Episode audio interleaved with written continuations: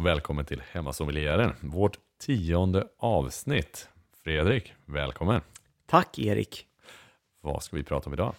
Ja, vad ska vi prata om idag? Det är ju som vanligt, jag tycker att det är dags att vi ska ut och resa i vinvärlden. Och eh, den här veckan har jag valt en destination som ligger också sådär extra härligt varmt om hjärtat. Och det är ju Piemonte i Italien. Ja, jag tycker det är jättekul att du har valt det av flera anledningar. Men också så här, jag har inte varit på jättemycket vinresor och besökt många vindestinationer.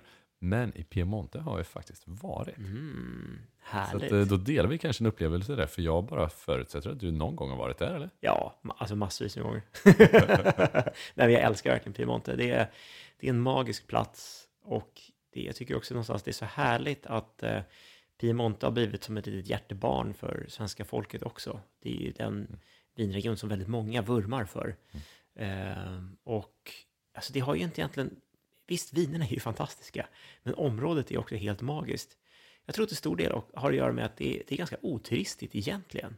Det är ganska kargt landskap. Du har Alperna i bakgrunden. Eh, de har liksom inga stränder och sånt där att skryta med, utan det är, det är otroligt vackert att se kullarna och, och, och det här och alla vingårdarna som, som klär in Piemonte väldigt vackert. Och sen är det ju det är köket, det är ju folket och det är vinerna. Min enkla bild av Piemonte är, och du, nu ska du få djup gå in på det här såklart och förklara hur det verkligen li- ligger till. Men om jag skulle, jag gillar ju superenkla förklaringar. Och skulle det kunna vara så att Piemonte, liksom, som jag har förstått det, så tog de sig ändå i kragen och styrde upp typ med inspiration från Frankrike, mycket av det som de inte tidigare hade. Piemonte var lite Spanien också, alltså det är inte så uppstyrt. Men sen så de började fixa lite vingårdslägen, eh, var lite stolta över sina lokala regioner, dela upp, lyfta fram ursprung. Eh, Vem som startade, ingen aning, men att, att de var duktiga på det och att det sen höjde vinkvaliteten i sig, att det fanns en ambition och så där. Och det, att det har gjort dem lite mer som ett bourgogne utan att inte alls vara ängsligt. Och det är ju såklart inte bourgogne, men att de, har, de har styrt upp sig liksom. Och, och det börjar verkligen bli premium, kanske tack vare den andan. Eh, Ja, men du, tror du, du är helt på det och jag ska... Jag har lite bra stories jag ska dra, men jag tänker att vi, vi, vi kommer till de där och, och, och dra lite historien om Piemonte och sådär. Men vi kan ju börja med att titta, titta i geografin, tänker jag. Och eh, om, vi, om vi ser Piemonte som region så ligger den ju situerad i nordvästra hörnet av Italien och det gränsar till, till Frankrike i väst och sen Schweiz i norr. Och sen har du dessutom några andra italienska regioner som den gränsar till, bland annat Val d'Aosta som är Italiens eh, minsta eh, vinregion, som egentligen kanske är mest känd för alper och skidåkning i största allmänhet. Eh, men det är en region som ligger i norr. Sen har du stora Lombardiet i, i, i ost och sen har du Ligurien som tar hela kuststräckan i, i söder så att säga. Och storleksmässigt då, så Piemonte, där har man drygt 44 000 hektar med vingårdar. Och eh, druvsorter, här gör man ju en, en, en stor mängd olika druvsorter som man planterade i vingårdarna. Och det är också typiskt för Italien skulle jag säga. Det är väl det landet som, som eh, är känt för att ha en, en otrolig eh, uppsjö utav inhemska druvsorter.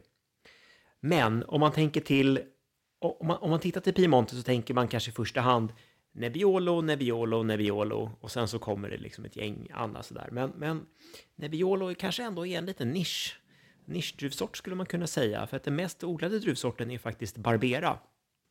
Eh, Det är 31 procent utav vingårdarna är odlade med Barbera. Och eh, näst mest odlade druvsort tror jag faktiskt fått rätt svårt att kunna eh, lista ut och gissa vad det är. Det är en grön druvsort som är rätt... Man ser den rätt ofta, men man kanske inte tänker på den så ofta. Ingen aning. Nej. Moscato, Okej. alltså muskat, eller muscato. Men det är för att eh, man gör ju även moscato d'asti. Eh, Som ett typ lite pro- prosecco-aktigt då, eller nej? Ja, man, man skulle kunna säga det är generellt ett sötare vin eh, med ännu lägre alkohol och som är väldigt blommigt och aromatiskt. Och som är snarare lite, lite lätt pärlande än att det är fullt ut väldigt eh, bubbligt. Ska säga.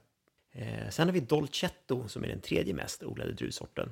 Plockar in på 13 procent av odlingarna. Och sen så kommer faktiskt Nebbiolo på eh, fjärde plats. Det är bara 10 procent utav odlingsarealen i, i Piemonte som som är Nebbiolo. Låter ju helt osannolikt. Eller hur? Så som vi är överösta med Barolos och eh, Lange Nebbiolo. Och... Eh, Exakt. Och vad gör de alla de andra druvorna då?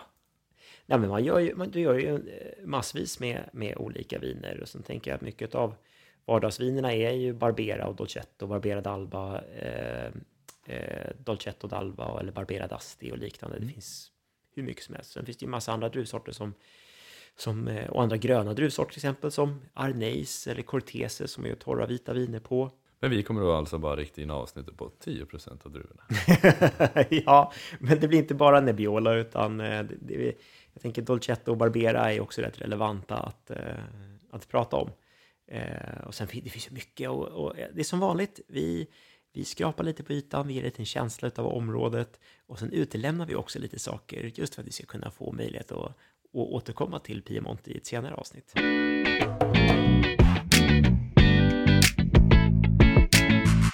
Och vi har varit inne på det lite grann, men Nebbiolo är ju ändå ansedd att vara den främsta druvsorten i Piemonte. Och den står ju som ensam druvsort i vinerna för, från Barolo och Barbaresco.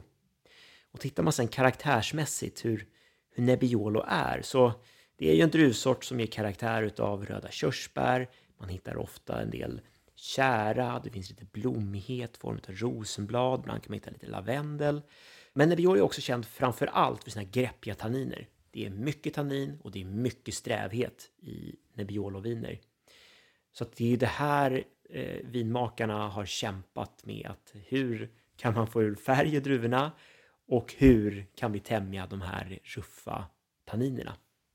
Men om, vi, men om vi bara stannar där, eller jag vet inte om det är för tidigt att avbryta, men tuffa tanniner, Ja. tämja dem, är alltså lagring ett sätt att tämja dem? Ja, Ja. Ja. Så det, det, var liksom ett, det kan man göra för att, att få ner det lite. exakt. Och, och dekantera, lufta ett annat. Ja, det är det. Men sen finns det ju lite olika vinmakningstekniker eh, som man kan använda sig av för att eh, få ner strävheten i, i, i Nebbiolo. Och, och framförallt det man, det man gjort, eller man gör i modern tid, att man har kortat ner macerationstiden, alltså tiden som skalen spenderar tillsammans med druvmusten. Eh, för att, ja, men det, det som vi pratade om tidigare, det är en tepåse eh, process eller metod skulle man kunna säga. Att ju, ju längre låter skalen dra, desto mer bitterämnen, alltså strävhet, kommer utlaka i vinet. Och sen också färg, så det är det du har velat. Du har velat att de ska lägga med länge för att det är en druvsort som ger lite färg. Låter du ligga i lite längre så får du mer färg. Men då får du också mer tannin. Ja, Och eh, den främsta Nebbiolon hittar man i, i, i kullarna kring Lange. Så att man, man, det kan man se på etiketter rätt ofta. Du kan se att det står så här Lange Nebbiolo. Men sen har du också, det finns, eh, på senare tid så har det blivit lite trendigare med ett område som heter Alto Piemonte. Alltså höga, högre upp i Piemonte och längre norrut så finns det, kan man hitta rätt häftiga exemplar av Nebbiolo som inte är riktigt lika kända. Men där hittar du bland annat eh, Gemme och Gattinara. Eh, som är rätt coola grejer. men då är det ett Och- annat landskap då alltså. Ja, Och då kallar man det Alto Piemonte. Ja, precis. Men exempelvis då Gattinara är en kommun, precis som Barolo är en kommun.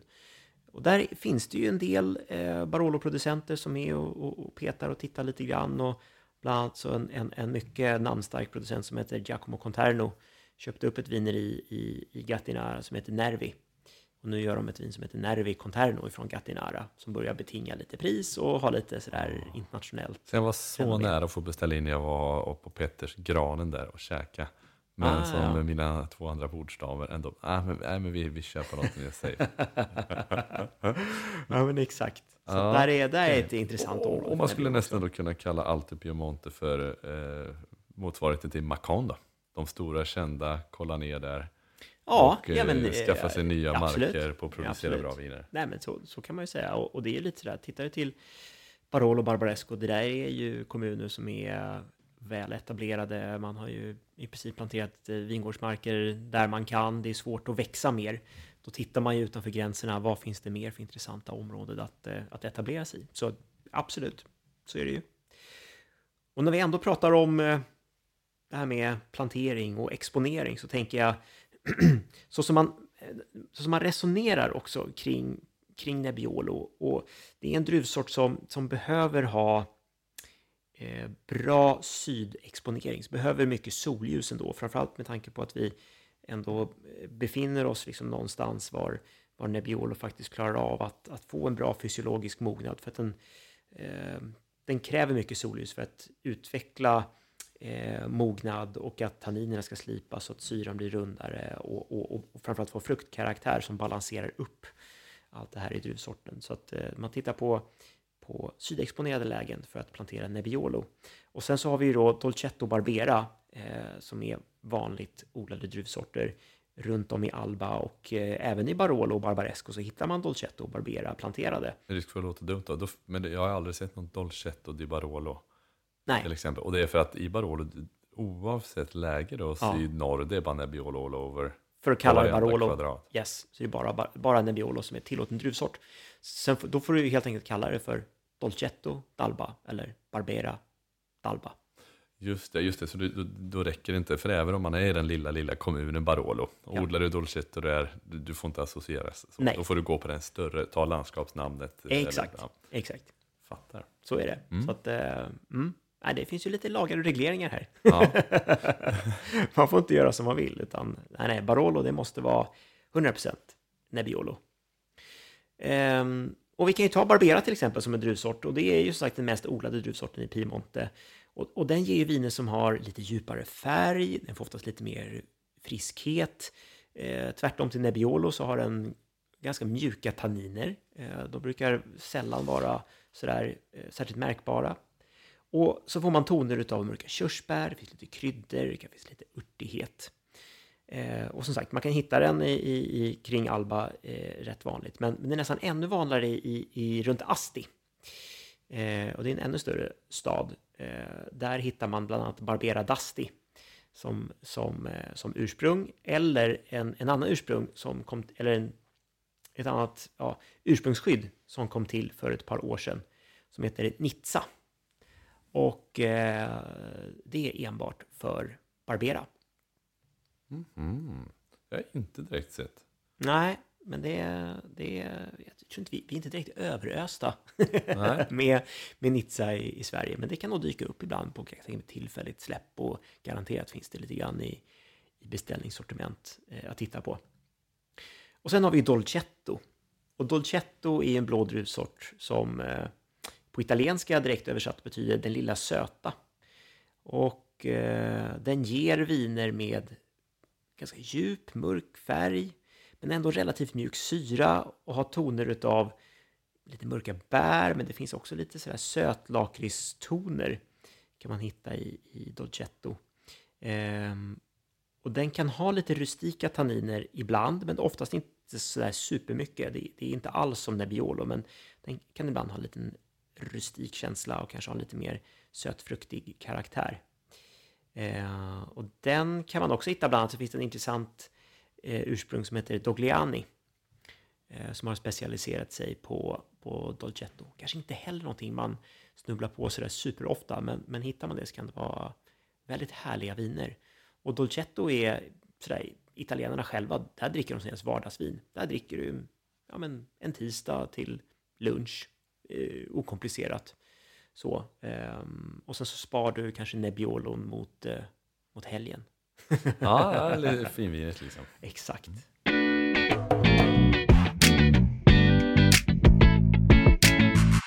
Ja men Fredrik, eh, jag måste ändå få fråga. Barolo, Barbaresco och egentligen då kastar jag mig ut och säger Barbera. Det var ju tre begrepp. Okej, vad är vad? Och, och, och Barolo är fint. Men, men just jag tycker, är krångligt Barolo och Barbaresco.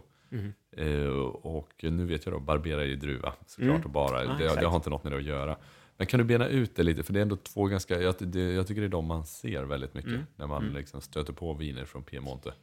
Nej, men så är det ju precis. Och eh, jag förstår att det, är, att det är förvirrande för konsument. Som sagt, som precis som du säger, Barolo, Barbaresco och Barbera, det låter ju väldigt snarlikt. Vad är skillnaden? En är en druvsort och två andra är kommuner. Och också vinstilar, eh, ska jag säga. Så att både Barolo och Barbaresco är vinstilar utav Nebbiolo. Och då de absolut främsta uttrycken utav Nebbiolo, skulle man kunna säga. Och Barolo har ju ett smeknamn. Det kallas ju för kungen av vin och vinet för kungar. Oh, ja, det är inte en Det liten är claim. supersnyggt. Och då skulle man kunna tänka sig, om Barolo är kung, så är Barbaresco drottningen.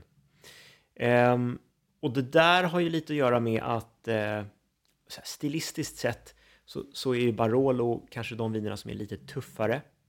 De är, nu, nu, nu drar vi en generell bild av det. Sen såklart, börjar man nörda ner sig i Barolo så finns det ju stora skillnader också mellan olika. Men jag, och alltså jag, jag är mycket för att generalisera, mycket för Mm. egna regler, men, eller enkla regler, men kan, kan du inte bara nörda lite, lite här? Mm. Och då ligger Barolo, har de någon regel för mer skalmaceration? Ligger de längre i tanken? Ja. Alltså om du pinpointar Ja. nördigt ut, Yes. vad skiljer Okej. Barolo från Barbaresco? Det vore ändå kul att veta det riktigt Ja. ordentligt. Ja, Så vi vet det är 100% Nebbiolo i båda vinerna. ja, Det är två olika uttryck. Varför uttrycker de sig olika? ja. I detalj. Ja, och det som är intressant är att det skiljer bara ett par kilometer emellan Barolo och Barbaresco, så de, det är ju nära, ska man säga, men det är lite olika uttryck.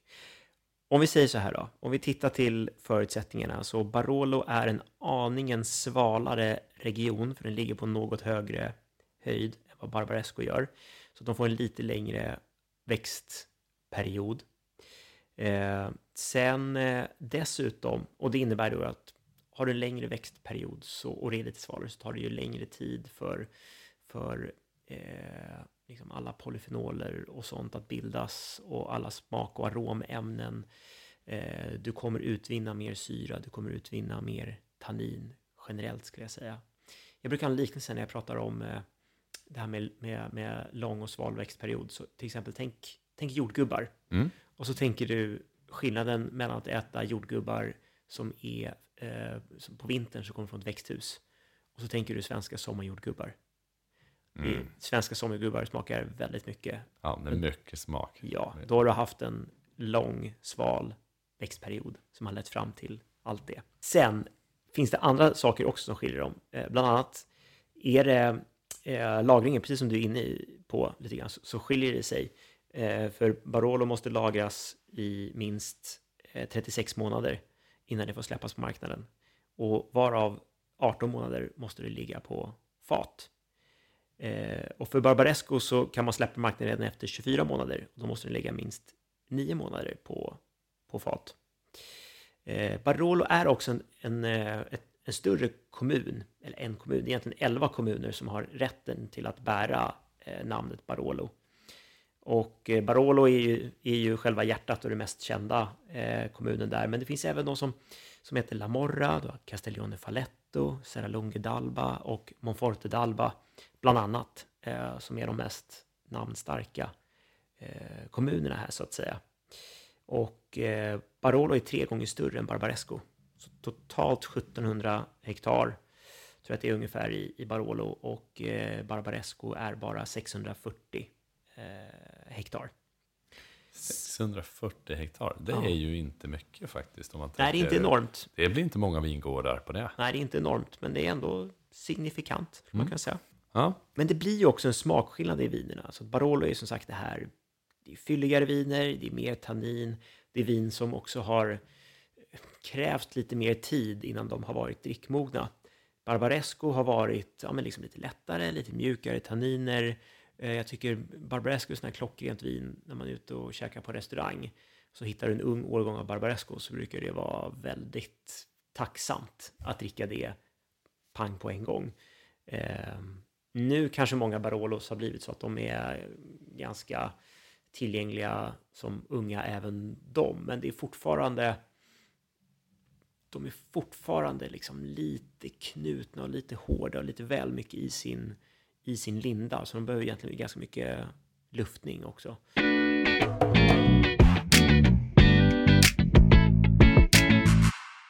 Men sen undrar du säkert, Erik, också hur, lite historiskt, hur kom det här sig? Alltså, var, var kom Barolo ifrån? Var kom Barbaresco ifrån? Hur blev de ja men stora jag, jag älskar historia, Ja. alltså take it away. Nej, men då får vi tänka oss tillbaka här igen. Och som jag nämnde i början, så Piemonte var ju liksom ett eh, rustikt, lantligt område. Här var det väldigt fattigt för en sådär 50 år sedan. Och det var jordbruksområde helt enkelt, där bönderna hade höns och kor och vingårdar och sålde mjölk, vin, ägg. Ehm, men sen kanske det inte var vinerna i sig som man tjänade några direkt pengar på.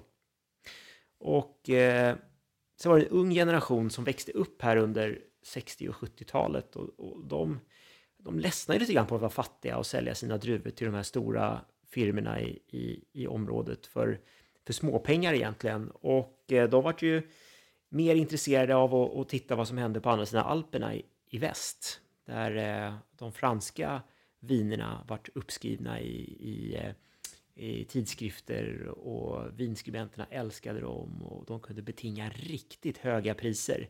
Framförallt i jämförelse med vad deras eh, lantviner gjorde. Så att eh, vid den här tiden så var det en, en, eh, en liten grupp av eh, ungdomar då som, som började bila över till, till Bourgogne. För Bourgogne är egentligen den närmsta regionen du hittar på andra sidan. Alperna tar väl ungefär fem timmar någonting och, och köra över dit. Eh, och de började resa över till, till Bourgogne och ta lärdom eh, utav fransmännen. Och eh, dels så kunde de köpa med sig viner hem och, och fördjupa sig i det, men de kunde även lära sig vissa innovationer och, och hur fransmännen jobbade och vad de hade för vinmakningstekniker. Och, och det här ville de ta med sig hem tillbaka till Piemonte. Och den här lilla gruppen då, de börjar kallas för The Barolo Boys. Inga tjejer. Ja, och faktiskt. Chiara Boskis är faktiskt med där på ett hörn. Eh, men en, de fick ändå smeknamnet Barolo Boys av någon, av någon anledning. Och det finns faktiskt en dokumentär eh, med samma namn som heter Barolo Boys som jag rekommenderar att man kan titta på så får man se hela den här historien för den är verkligen fantastisk. Och en av de här ungdomarna i gruppen eh, heter Elio Altare eh, och honom har jag eh, träffat en gång, men jag har besökt hans vineri ett par gånger och framförallt hans väldigt karismatiska dotter Silvia Altare. Eh, de håller till i La Morra i Barolo. Och eh, Elio Altaro har ju en helt fantastisk historia att, att berätta från hans tid från Barolo Boys. Och han, eh, han var ju sån här inspirerad ung vinmakare som hade ambition att göra världens bästa viner, precis som fransmännen gjorde dem. Och eh, när han var i 20-årsåldern så, och kom tillbaks från sin resa till Frankrike, tillbaka till familjevineriet, så började han att implementera de här förbättringarna som, som han såg att fransmännen gjorde. Och hans föräldrar var ju egentligen till och med helt emot att han ens skulle åka till Frankrike och förstod inte varför man ens skulle ändra på någonting. Och, och det man också ska tänka på Piemonte vid den här tiden, då var det, det var, det var ganska spänt laddat mellan alla. Man drack inte ens grannens viner. Man tog inte lärdom av grannen. Man, det, var, det var lite hårt klimat och då tänkte man ännu mindre. Varför ska man åka över till Frankrike och lära sig där? De kan väl, de kan väl ingenting. Um, och de här föräldrarna, de, de, de, var så upprörda att Elio hade varit över till Frankrike så att de fick till och med en präst som kom till gården och välsignade bilen som han hade åkt i. För att de tyckte att det var så hemskt. Uh, Underbart. Ja, det är otroligt. Men i alla fall, när Elio kommer tillbaka när Elio kommer tillbaka så börjar han röja upp i vineriet. Han behöver fösa ut djur, för du vet, hade ju djur som var inne i vineriet. Och han, fransmännen pratade du måste ha hygien, det måste ju vara rent. Det här ska det rinnande vatten, du måste ju tvätta ur eh, de här gamla eh, faten och liggarna och använt dem. Det gjorde man ju liksom inte i det gamla bondesamhället i, i Piemonte på den här tiden. Så att han såg till att fixa i alla fall. Att alltså var... kvalitetshöjning. Ja, men bara sådana saker. Man fick det rent och dra dit vatten och det, det var väl ändå okej. Okay. Ehm, men sen så gjorde han två åtgärder som hans föräldrar inte klarade av. Det första han gjorde var att han introducerade något som kallas för grön skörd. Och vad det, vad det är, det är att precis när druvsorterna börjar mogna, så blå druvsorter är eh, gröna fram tills att de ska eh, gå igenom en process som heter veraison, då de byter färg och blir blåa eh, för att sen få gå igenom sin sista mognadsfas. Och precis när de är kvar i det här gröna stadiet så kan man eh, klippa ner en del utav eh, druvklaserna som hänger på rankerna för att göra en, en, en grön skörd så att säga. Och vad du gör då är att då koncentrerar du eh, smakerna i de druvorna som hänger kvar på rankan. Så du skapar en högre koncentration i vad som finns kvar. Du höjer alltså kvaliteten. Men hans föräldrar förstod inte den här. Vaskade han bara de där ja. gröna druvorna då? Ja, liksom, då var det ja då och det, och det tyckte de var Exakt, klassligt. för det här kan du ju, de här kan du ju sälja. Så sa hans mm. föräldrar, det här kan du ju, mm. låt dem mogna och så kan du sälja dem. Han nej, nej, nej, om vi ska höja kvaliteten så måste vi klippa de här. Det hade de jättesvårt med. Det, Det klarar de inte av. Han kastar iväg pengar så långt så. Och sen var det en sak till. Eh, och det här var det som fick droppen att, att rinna över för hans föräldrar. Så en kväll så gick Elio in i eh, vineriet med en motorsåg och demolerade det hundra år gamla tusen liters bottifaten som de hade liggandes i källaren. För att han ville göra plats för de mindre franska ekfaten istället.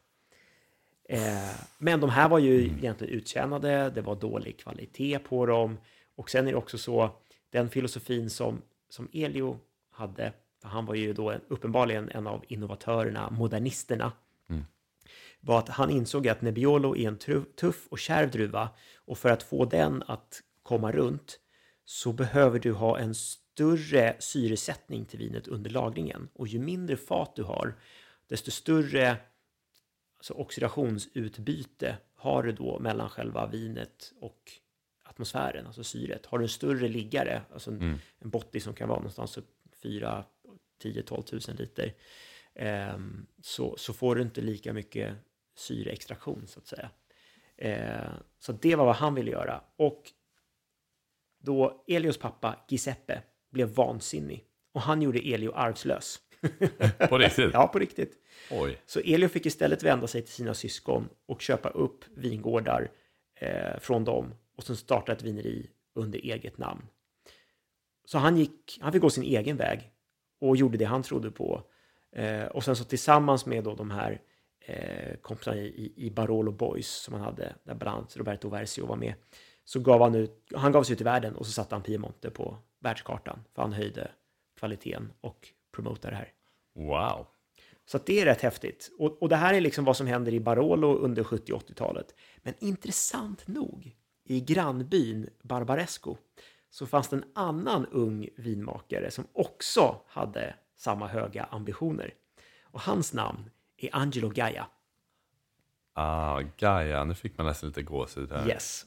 Och familjen Gaia, de här började sin bana i mitten av 1800-talet och de ägde en restaurang från början och då gjorde de vin för att tillgodose eh, restaurangen. Men sen så skapade de sig ett, ett väldigt gott renommé för sina, sina viner och de började fokusera mer och mer på, på eh, vinproduktion. Eh, och de blev ganska kända nationellt i alla fall i Italien så tidigt som under 40-talet. Och bland annat så, så försåg de italienska armén med, eh, med vin under andra världskriget. Ehm, men Angelo är också, han är, han är bara 21 år gammal när han kommer in i, i familjevineriet och han, han vill också ta stora kliv för att, för att höja kvaliteten för, vinerna. Han börjar också med grön skörd. Han tar också in moderna vinmakningstekniker som eh, temperaturkontroll och kortare extraktioner. Och, och, och dessutom så, så lanserar han vingårdsbetecknade viner precis som man gör i, i, i Bourgogne. Och det var inte mallen i Piemonte från början, utan där, där gjorde man ett, ett mer kommunvin. Det var, det, var ju, det var ju tradition att man blandade olika vingårdar. Men han såg storheten i, i, i de olika vingårdarna och eh, skapade vingårdsviner helt enkelt. Ja, Och även Angelo höll ju på och introducera franska fat som hans far opponerade sig mot. Och Angelo tar till och med det hela steg längre och han börjar även plantera franska druvsorter som Cabernet Sauvignon och Chardonnay. Eh, och bland annat så gör Gaia idag en, en vingårdsbetecknad Cabernet Sauvignon som heter Darmaggi, vilket på piemontesisk eh, dialekt betyder någonting som typ så här, åh, så synd. Och det var då på grund av att eh, Angelos pappa Giovanni hade sagt detta när han hade sett en av de här prima Nebbiolo-vingårdarna som istället hade blivit planterat med Cabernet Sauvignon.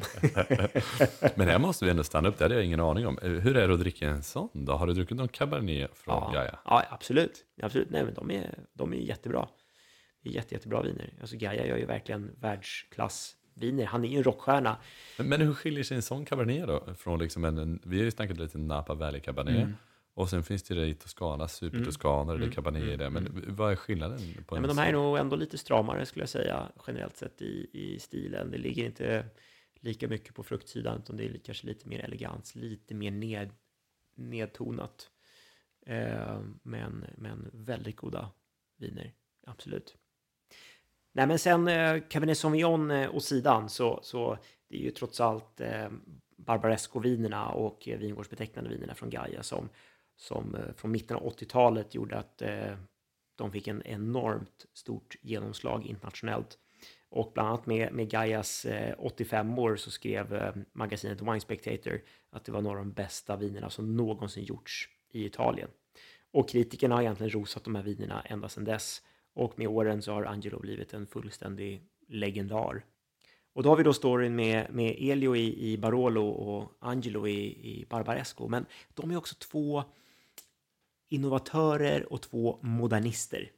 Och det nämnde jag också tidigare, att det var ju bristningar mellan, mellan det här, de som var innovativa och de som var traditionalister. Men exakt. Har de traditionella någon framtid alls då? Händer, liksom, Nej, men dricker sen, någon deras sen, viner? Sen vart det så här, när de här vinerna började få genomslag, då vart det ju eh, ramaskri i, i regionen. Då började traditionalisterna eh, motsätta sig eh, det här och, och skapa lite fight med modernisterna. Och då startades något som kallas för Barolo Wars, alltså Barolo-kriget, med, med, med producenterna emellan.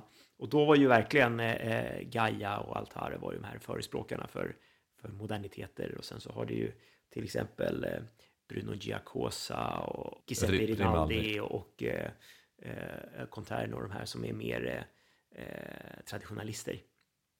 Eh, så det, där var det rätt mycket bristningar. Och framförallt ska jag säga att den som kanske var mest upprörd över det här eh, var ju producenten Bartolo Mascarello. Eh, och det är lite sådär med italienarna, ibland är de väldigt politiska av sig också. Han gjorde bland annat en, en vinetikett där det stod No Berlusconi och No Barrique. Vad är med som är barrick? Är som är franska faten. Så att han var tydlig med sitt, eh, sitt budskap, vad han inte ville ha i sitt land. Eh, men sen kan man säga så här, med tiden så har det ju gått lite vatten under broarna. Nu eh, har modernisterna har tonat ner rätt mycket också. I början så, så var de här vinerna väldigt mycket fokuserade på 100% nya små franska fat. Och sen eh, med, med tid så har man dragit ner det allt mer och mer. Och man har också sett eh, storheten i att Nebbiolo kanske behöver också ligga i lite större eh, botti också. Medan traditionalisterna har också anammat en del av de här moderna eh, vinmakningsteknikerna som, som, som modernisterna har tagit in. Så de har lärt sig lite grann av varandra ska man säga. Och idag finns det mer en, en gråzon mellan vilka som är, är tydligt modernist och vilka som är lite mer traditionalist. Det är klart, det finns fortfarande ytterligheter eh, däremellan, men, men gränsdragningen är inte riktigt lika tydlig idag, skulle jag säga. Och eh, som sagt, fördelen med mycket att, utav det här är ju också att vinerna har blivit väldigt mycket mer tillgängliga eh, som unga jämfört med vad de var tidigare.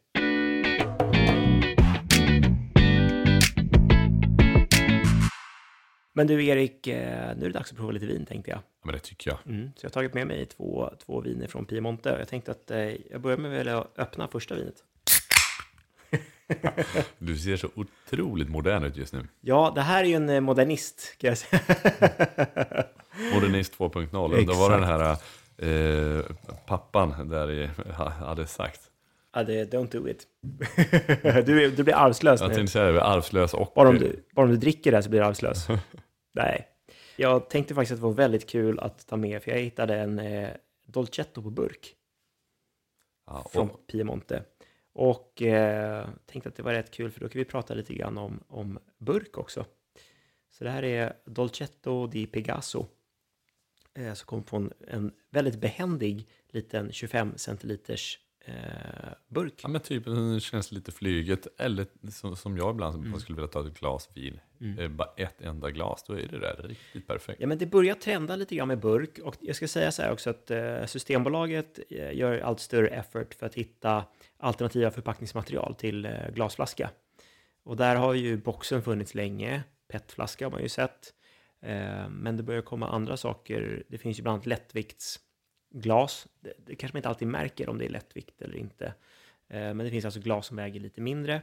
Eh, och sen finns det lite nya innovationer. Jag, kanske, jag kanske inte kan påstå att burken är särskilt ny, men det är väl ändå ganska nytt att se att vin kommer i, i burk. Jag kan ju tänka mig att det passar bra på då där du sa Dolcetto, ett bordsvin, det är lite mer basic. För jag Ja. antar att det inte vinner på så mycket luft och eh, ålderdom.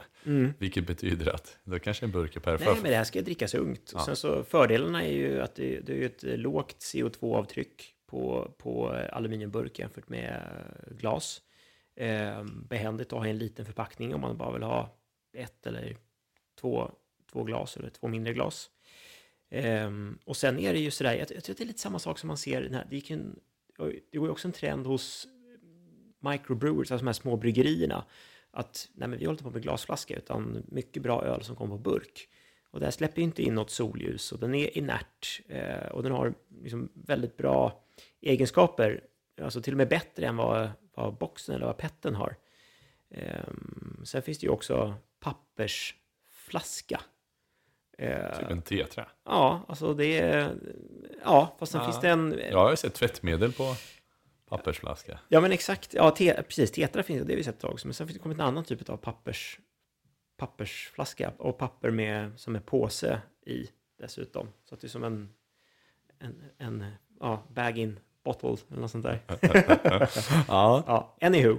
Vi ska eh, prova det här, för nu ska vi göra oss an dolcetto. Nu dricker vi vardagsvin ja. en måndag. tycker ändå doftar en del här. Mhm. Den är inte så blyg, utan man känner rätt mycket. Och visst finns det lite tydlig körsbärsdoft. Ja, det håller jag med om. Det är lite signum. Det, Absolut. det tycker jag. Alltså, det kommer vi prata om i, i när vi provar Barolo och Nebbiolo också. Men mycket italienska röda viner har ju någon sorts eh, körsbärskaraktär. Så det kan vara lite olika typer av utav körsbär. Man kan ibland också känna lite sådär, lite körsbärskärna tycker jag finns här också. Som drar lite åt det här mandel, mandelhållet nästan. Och sen finns det där, det finns lite söta kryddor, lite söta örter. Eh, och eh, ja, men det är lite smickrande, lite charmigt. Mm. Friskt, ska jag säga. Inte jättetungt, utan det här är ändå lite lättare. Finns lite tanniner där, men de är ändå ganska... Håller sig i bakgrunden och inte, inte för sådär brokiga, men, men ger ändå lite väsen och så utav sig. Och sen känns det ju... Ja, men det här känns snyggt, rent, välgjort. Men eh, det är inte det här vinet som jag ska beskriva vykort hem till mina föräldrar om att jag har druckit. Men det tror inte jag är syftet här heller, utan det här ska ju vara ett eh, lättdrucket, okomplicerat rött vin. Ja, men jag tycker det var gott. Mm. Vi åt ju en, eh, en neapolitansk, alltså jag kan inte uttala det, men pi- pizza innan margarita. Det hade väl passat ganska bra till. Ja, men det är klockrent. Tycker det är jättehärligt. Jag jag är väldigt förtjust i Dolcetto. Eh, Jag gillar den här direkta fruktkaraktären som det har och ändå lite, lite struktur och det är lite personlighet och det är lite sådär... Ja, men det är mm, härlig druvsort. Har någon annan eh, rakt på, liksom, om man vill köpa någon flaska Dolcetto på systemet? Gå och plocka upp någon. Har du Mm. någon tips? Kikade lite grann innan och det, det, det är inte så lätt att hitta bara Dolcetto i fast sortiment. Så man får ju förlita sig till eh, vad som kommer i, i tillfälligt och sådär. Eh, då såg jag att eh, Pira, Luigi Pira, hade en, eh, en Dolcetto som Ja. var i tillfället. Men det var svår För att få de gör tag i. lite Barolo va? De gör Barolo också. jag tror att exakt. min kära bror har bjudit mig på Ja, lite Pira ja, Barolo. Ja, nej, men det är gott. Men kan det vara ett bra tips då helt enkelt generellt? Att om du har de här duktiga Barolo-producenterna hos Ja. Barbaresco, när de kommer med en Dolcetto, då kan det vara lite kul att lägga pengar på. Absolut, det är riktigt också. Ja. Det tycker jag. Och då kan du tänka dig att då är det väldigt stor sannolikhet att just eh, den dolcetten kanske kommer från en Barolo-vingård också. Men jag tänker vi smeter väl på och provar eh, i andra glaset också. För nu måste vi spänna musklerna lite grann. Så att nu blir det ju Barolo såklart. Och eh, nu har jag tagit fram en, eh, en liten goding här ur, eh, ur väskan, eller på att säga. Men det, det här är en producent som heter Vaira. Det här är deras Barolo som heter Luigi Bodana. Som kommer från eh, kommunen Serralunga d'Alba i Barolo. Så nu börjar det bli lite mer, lite mer specifikt. Och jag tycker det härliga på näsan här är att framförallt om man jämför med Dolcetto att det inte är samma direkta yppiga fruktkaraktär. Det är lite dovare. Men däremot det man känner, här finns det lager på lager på lager. Det finns en hel del komplexitet i det här.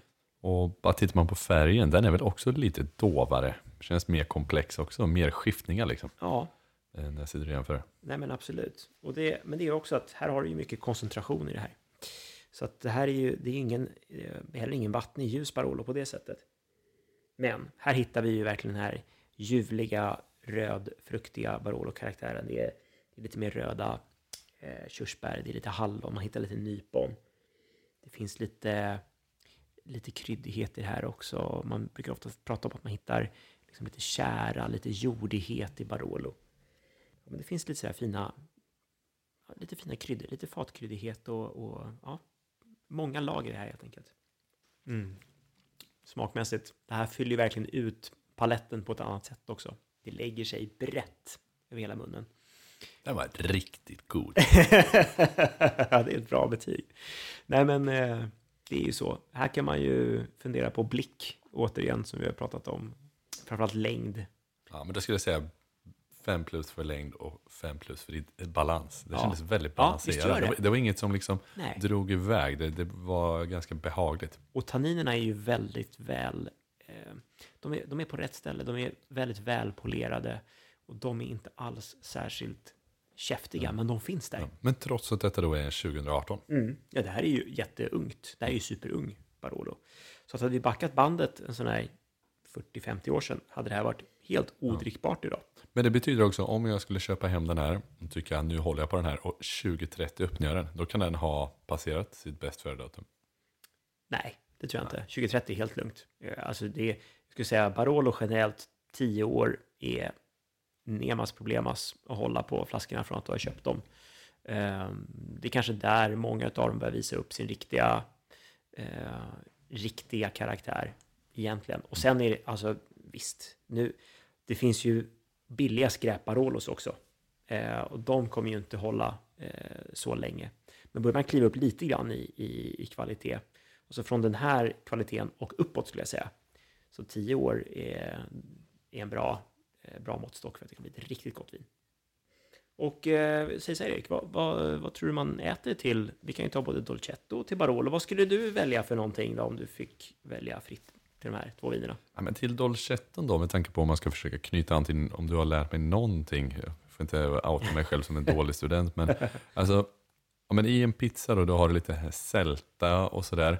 Eh, Kan förstärka fruktkaraktär, kan lite kanske balansera det söta i en dolcetto. Att Då är nog inte en pizza helt dum. Alltså. Mm. Eller typ en pasta carbonara med lite pancetta. Mm. Så kanske Mm, mm. eh, slänger jag mig ur här. Men sen kanske att eh, det är lite för lite tanniner för att klara en bra, rejäl carbonara. Så då, ja, pizza då. Nej, klockrent. Jag säger inte emot. Jag tycker att det är jättehärligt. Eh, Och jag skulle säga att Dolcetto är typ det ultimata pizzavinet. Ja. Just för att du har den här härliga fruktkaraktären och pizza så har du ju generellt sett, det är mycket sälta, men det är, det är väldigt eh, förlåtande smaker också kan man säga i en pizza. Eh, och så friskhet och så har du den här liksom lite fräschören, friskheten som går bra ihop med, med, med sälta i pizzan. Och det ska vara okomplicerat. Pizza är en okomplicerad rätt. Dolcetto, okomplicerat vin. Ja. Det är bara gott. Ja, bra. Det är inte svårare än så. Barolo då? Ja. Nu måste man tänka lite. Nu blir det knepigt. Nu, nu pratar vi sofistikerat vin här plötsligt. Ja, ja, Kom, men- det här, Barolo kommer inte på burk, utan... Nej, exakt, för att förtydliga flaska, detta. exakt. mm. Vad tror vi här då? Ja, men, eh, vad ska jag säga? Kanske att man, man måste försöka plocka upp någonting i de här smakerna i det man serverar. Men, men jag tror väl ändå, liksom, eh, det har ju också pratat om det här, ja, men, eh, de här köttbitarna från Fiorentina, alltså typ något sånt. Mm, Hade, hade mm. det ändå kunnat vara, det är ändå ganska rena, eleganta smaker också, men Mm. som är välbalanserat. Hade det liksom kunnat passa till en välbalanserad Barolo, att man tänker så? Absolut. Absolut. Men jag tror att Barolo är, är också väldigt mångsidigt att eh, matcha med på många sätt. Man kan gå köttspåret, man kan gå... Tittar man på, på det piem- piemontesiska köket så är det ju väldigt avskalat. Det är väldigt få ingredienser, väldigt rena smaker i allting. Eh, när det kommer till att äta eh, mat där till, till Barolon så det blir ofta pasta. Och sen så med tryffel. Det är ändå tryffelmeckat någonstans när du är i, Piemonte. Eller så har du pasta med någon sorts ragu, vildsvins eh. Eh, Stått och tajarin. kokat rätt länge och. Ja, tajarin al cinghiale och såna saker är ju fantastiskt gott. Ehm, och sen så, precis, men du samtidigt du kan gå på alla såna eleganta köttbitar och såna saker, för den har ändå en, en intensitet och en struktur som, som bär upp det där på ett, på ett väldigt, väldigt bra sätt. Eh, men det är någonstans, alltså sweet spot, säga, bland det goda som finns det att dricka fullt mogen Barolo. Alltså vi pratar Barolo som kanske är 15-20 år gammalt. Och så har du en, en eh, pasta med bara smör och vit albatryffel. Och du vill bara, alltså det är som att lägga sig i ett varmt bad eller få en uppvärmd morgonrock på sig. Något sånt där. Och faktum är att Barolo när det, när det är, är fullt moget så kan du också hitta lite av de här svampiga och tryffeltonerna i vinet. Och det är så himla, himla snyggt ihop. Jag får köpa någon Barolo och lagra ri- riktigt länge nu. Ja, ja. Jag har ju faktiskt varit och, och, och grävt efter tryffel i Piemonte. ja du har det. Ja, det var en ja. otrolig upplevelse Ja. som jag blev bjuden på eh, när jag fyllde 30 av min fru, Mm. eh, som tog med mig på ett ställe. Vi var nere och hälsade på en, min italienska kompisar, eh, kompis Oliver, i deras ställe där nere. Eh, Och så åkte vi vidare och var ute med en sån gammal gubbe. Han åkte runt i en sån gammal eh, Suzuki Jimmy som jag tycker är en väldigt cool bil. Ja, just det. Eh, Och så hade han med sig sin sån här tryffelhund och Mm. åkte runt på skogarna där. Mm. Och hittade en, en ganska schysst tryffel ändå som kanske sett 2,5 gånger 2,5 centimeter som jag fick med mig. Eh, ja, Mm. Snyggt. lägger den i fickan med lite plast och så han in den. Jag glömmer den i en jacka. Nej. Hittar den sex månader senare efter nej. hemkomst och den var ju förstörd. Men det måste ju ha luktat också. Ja men alltså, jag är sämst. Det, var- det var ju katastrof. Ja, herregud. Men det kan jag säga också att eh, just det här med tryffel är, är alltså det är sådana värden i tryfflar. Ja, Du vet, det är 50 000 kronor kilot för vit ja, albatryffel. det, det, Det är helt, helt absurt. Ja. Och samma sak där också. De här, eh, eh, alltså en, en bra tränad tryffelhund, den är värd hur mycket pengar som helst. Och, och det är samma sak där, det är lite krig ibland mellan grannar och såna här saker. Man avslöjar inte alltid sina tryffelställen och, och det är de som har ihjäl varandras hundar med, med gift och såna här grejer. Det, är, det, är, det där är dirty business alltså, skulle jag säga. Ja, jäklar. Alltså inte att leka med. Inte att leka med. Man, men det är inte, vit tryffel är typ bara Alba. För Gotland finns ju tryffel. Mm. Så då är det en svart Det tryffel. Men det finns, du kan hitta vit tryffel på lite andra ställen också. Det är inte bara i Piemonte och Alba. Eh, Men det är där den är mest känd och det är där den betingar absolut högst pris. Och det som är magiskt med den vita tryffeln är att den är så otroligt smakrik. Det är en väldigt, väldigt hög koncentration i dem. Eh, Svarta tryffeln har inte riktigt samma koncentration, utan den är, den är mycket, mycket mjällare. Det är därför den vita är så pass dyr. Just det, den växer långsamt. Svår att hitta. Mm. Mycket koncentration. Men då var du också, då var du där på hösten? Ja, men exakt i Mm. oktober. Mm. Det, så det var ju det var en fantastisk tid Mm. eh, faktiskt. Ja, men just det där, man tog ett löp på morgonen. Mm. Man kände den där dimman, solen som steg över. Det, det, var otroligt fint. Nej, det är, det är grymt. Det är grymt. Och det kan jag säga till de som, som lyssnar att eh, man ska åka till Piemonte på hösten. Mm. Alltså man ska vara där i oktober, november. Det är, det är guld. Det är, det är då, är man i Alba, allt doftar tryffel. Det är vit tryffel på alla restauranger. Det är vackert. Ja, det är vädret är lagom varmt. Ja. Det var så här 20-22 grader. Solen värmer på dagen. Det är lite kyligt och mysigt på kvällen. Men om man åker runt där då, liksom, hur, hur tycker du som har rest där mycket mer än vad jag har gjort? Åker man bara knacka på? Bokar man Mm. eh, riktade besök? Mm. Hur lägger du upp en Piemonte-resa? Men jag, jag, jag skulle nog ändå rekommendera, nästan oavsett var man åker, att alltid göra en plan eh, och i alla fall boka några besök innan så att man är säker på att få till några bra, för då kan man också researcha lite på förhand, så men de här ska vara riktigt bra producenter, de vill vi åka och besöka, så får man kontakta dem och, och boka in ett besök. Eh, för, för jag tror att de upplever så lite i Piemonte också, som de definitivt gör i Bourgogne och många andra delar i vinvärlden, att nu har de blivit så pass populära så att alla ska åka dit. Så det är många som inte är öppna för bara drop-in besök eh, och vill inte ha den, för du vet, då är det folk som ringer på deras dörr hela tiden. Mm. Så att absolut, boka, boka innan. Gör lite research. Sen behöver man inte boka allt. Man kan vara lite spontan också om man, om man eh, tycker det är härligt. Eh, och, och, och snacka lite med lokalbefolkningen. Vart, vart ska man? Ja. ja, men Fredrik, jag kommer lämna det här avsnittet med en riktigt eh, rejäl Piemonte-pepp. Alltså riktigt, riktigt kul. Och eh, sugen på att åka tillbaka. Men, men jag känner att eh, Barbera eh, hamnar lite i skymundan. Mm. Hur ska jag tänka kring Barbera? För nu känner jag liksom Dolcetto, lilla söta. Ja, men Mm. kör den till enkla grejer, pizza sådär.